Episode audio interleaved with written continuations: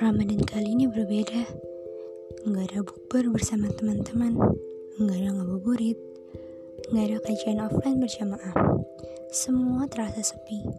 Mereka memilih berdiam diri di rumah. Terkadang terdengar keluhan resah para manusia. Ramadan kali ini gak seru ah, gara-gara corona nih. Jadi pihak satu ke pihak lain seakan-akan menyalahkan makhluk itu. Mereka yang marah dengan keadaan tidak sadar dengan suatu hal. Seharusnya mereka manfaatkan situasi ini dengan memperbanyak muhasabah diri, meminta ampun kepada Allah, dan meluangkan waktunya dengan Allah. Kita bisa mengambil banyak pelajaran dari kondisi yang tidak diinginkan seperti ini.